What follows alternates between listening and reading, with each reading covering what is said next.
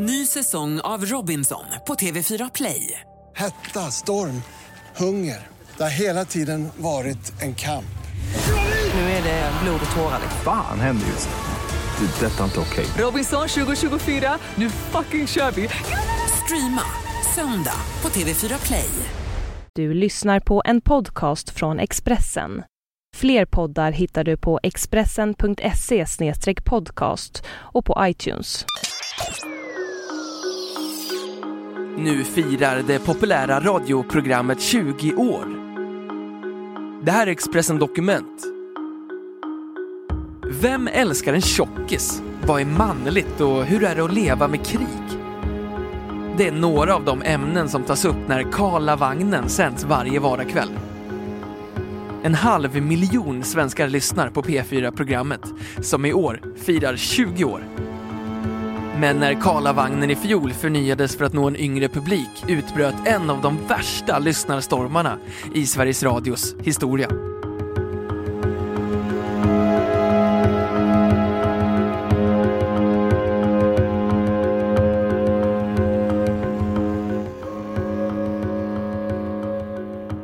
Det är onsdag kväll och eh, programledaren Johanna Linder har laddat med kaffe och mjölk, vatten och snus inför den två timmar och 20 minuter långa direktsändningen fram till midnatt från Sveriges Radio Jönköpings Studio 2 i gamla brandstationen. Jag har bestämt mig. Inte för att inte bli fet, som i lättmargarinreklamen, utan för att inte banta, för att inte fastna i jojo-bantningsträsket för att vara en förebild för mina barn. Men så tar någon ett kort på mig i bikini och den bilden den motsvarar inte alls min egen bild av mig själv. Var är min midja? Säger Johanna för att trigga igång den dryga halvmiljonen lyssnare. Med sig i studion har hon förskoleläraren Maria Forsberg som för fyra år sedan gick ner 35 kilo i tv-programmet Biggest Loser Maria berättar att hon inte lyckades hålla fast vid de nya tränings och kostvanorna. Och flera personer som ringer in förklarar att de, liksom Maria, misslyckats med kampen mot övervikten. För Johanna Linder berättar lyssnarna om gubbmagar, anorexi och utseendefixering. Karlavagnen är mötet mellan programledaren och lyssnarna. När nyheterna rapporterar om barnfattigdom och arbetslöshet får man i vårt program höra människors personliga erfarenheter. Det är ett drömjobb att leda programmet, säger Johanna. Men det var rejält svajigt i mars förra året när hon och Pernilla Andersson från Jönköping, Lena Nordlund och Christer Engqvist från Uppsala, Christian Olsson och Leif Hedegärd från Göteborg och Peter Wahlbeck från Halmstad tog över som programledare. Sveriges Radios beslut att peta den tidigare Karlavagnen-programledaren Stina Volter och hennes kollegor orsakade en folkstorm. Massor av lyssnare hörde av sig till P4 och klagade och det anordnades protestlistor och startades Facebookgrupper för att behålla Stina Volter i programmet. Lennart Nilsson, insändarredaktör på Expressen, GT och Kvällsposten. Han säger det har aldrig varit ett sånt rabalder om ett radioprogram förut. Folk mejlade och skrev brev i månader om att det var för mycket sport i nya Karlavagnen. Och att de saknade gamla programledarna och att programmet blivit för tungt att lyssna på, säger han. En av lyssnarna, en 60-årig samtalsterapeut från Mellansverige, tycker att den nya ordningen tyder på bristande insikt i vanliga människors behov och liv. Om man har stått hela dagen vid ett löpande band eller tagit emot folk på ett sjukhus, då orkar man inte så sent på kvällen höra om exempelvis självmord. Då kan det vara mer lagom att höra ett samtal om vänskap, husvagnssemester, hundar eller att träffa svärmor för första gången. Det finns väl inget finare för ett radioprogram än att kunna hjälpa folk att somna, säger samtalsterapeuten. Programledaren Johanna Linder, hon känner igen tongångarna. Det blev ett himla liv när vi tog vid. Många som varit vana att somna till programmet reagerade på att vi höjde tempot och aktualiserade frågorna. De gamla programledarna hade också sänt Karlavagnen i så många år att lyssnarna nästan betraktade dem som sina personliga vänner. Men programmet kunde i slutet ibland bli exkluderande för att det var så familjärt, säger hon. Men Johanna Linder och hennes programledarkollegor höll dock i och höll ut och stöttade varandra.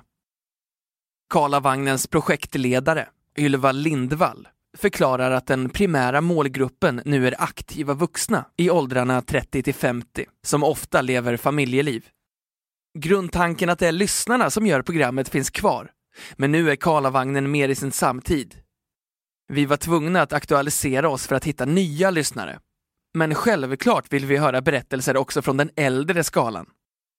Och det känns som att de flesta funnit sig till rätta.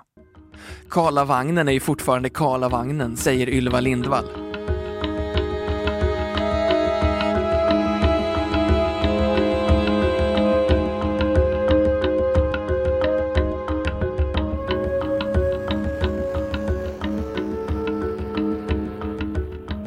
Lisa Syrén, som ledde den första sändningen av Karlavagnen den 18 januari 1993 och var programledare där i 16 år, vill inte recensera omgörningen.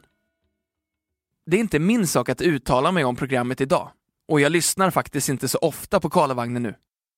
Men när jag är ute på stan märker jag en viss oro bland programmets lyssnare.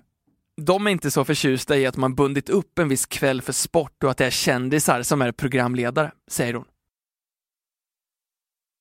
Det var dåvarande chefen för P4 Riks, Mie Järnbäck, som hösten 1992 gav Lisa Syrén och Bengt Gravström i uppdrag att skissa på ett forum där lyssnarnas berättelser skulle vara i fokus.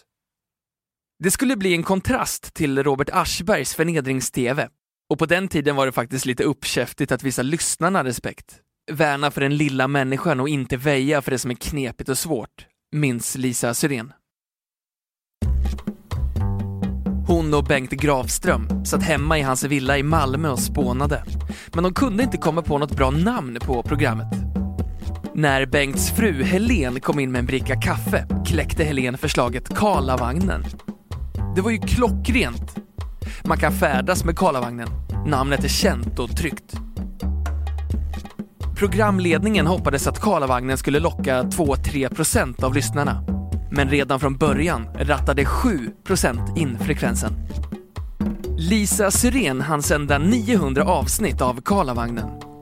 Egentligen kände hon sig färdig redan efter 10 år, men hon övertalades att stanna kvar ytterligare 6 år och leder nu i huvudsak Ring så spelar vi.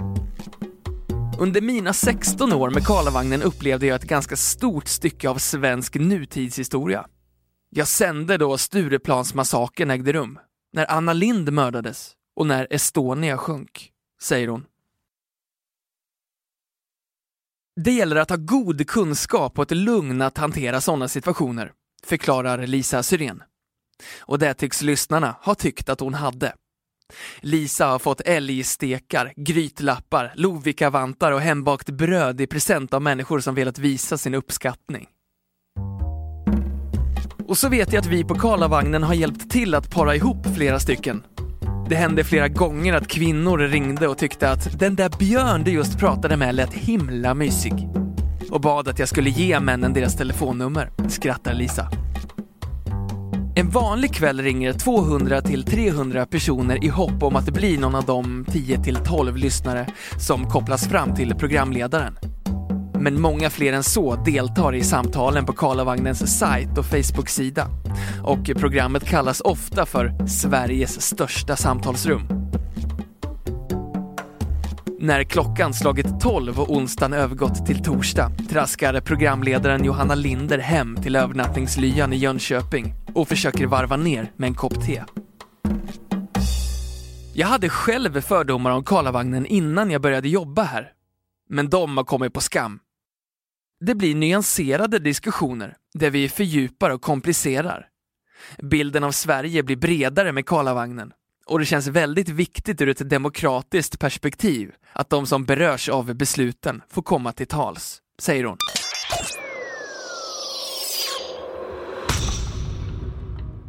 Du har hört Expressen Dokument, ett fördjupningsreportage om att Sverige blir bredare med Karlavagnen av Karin Sörbring, som jag, Johan Bengtsson, har läst upp.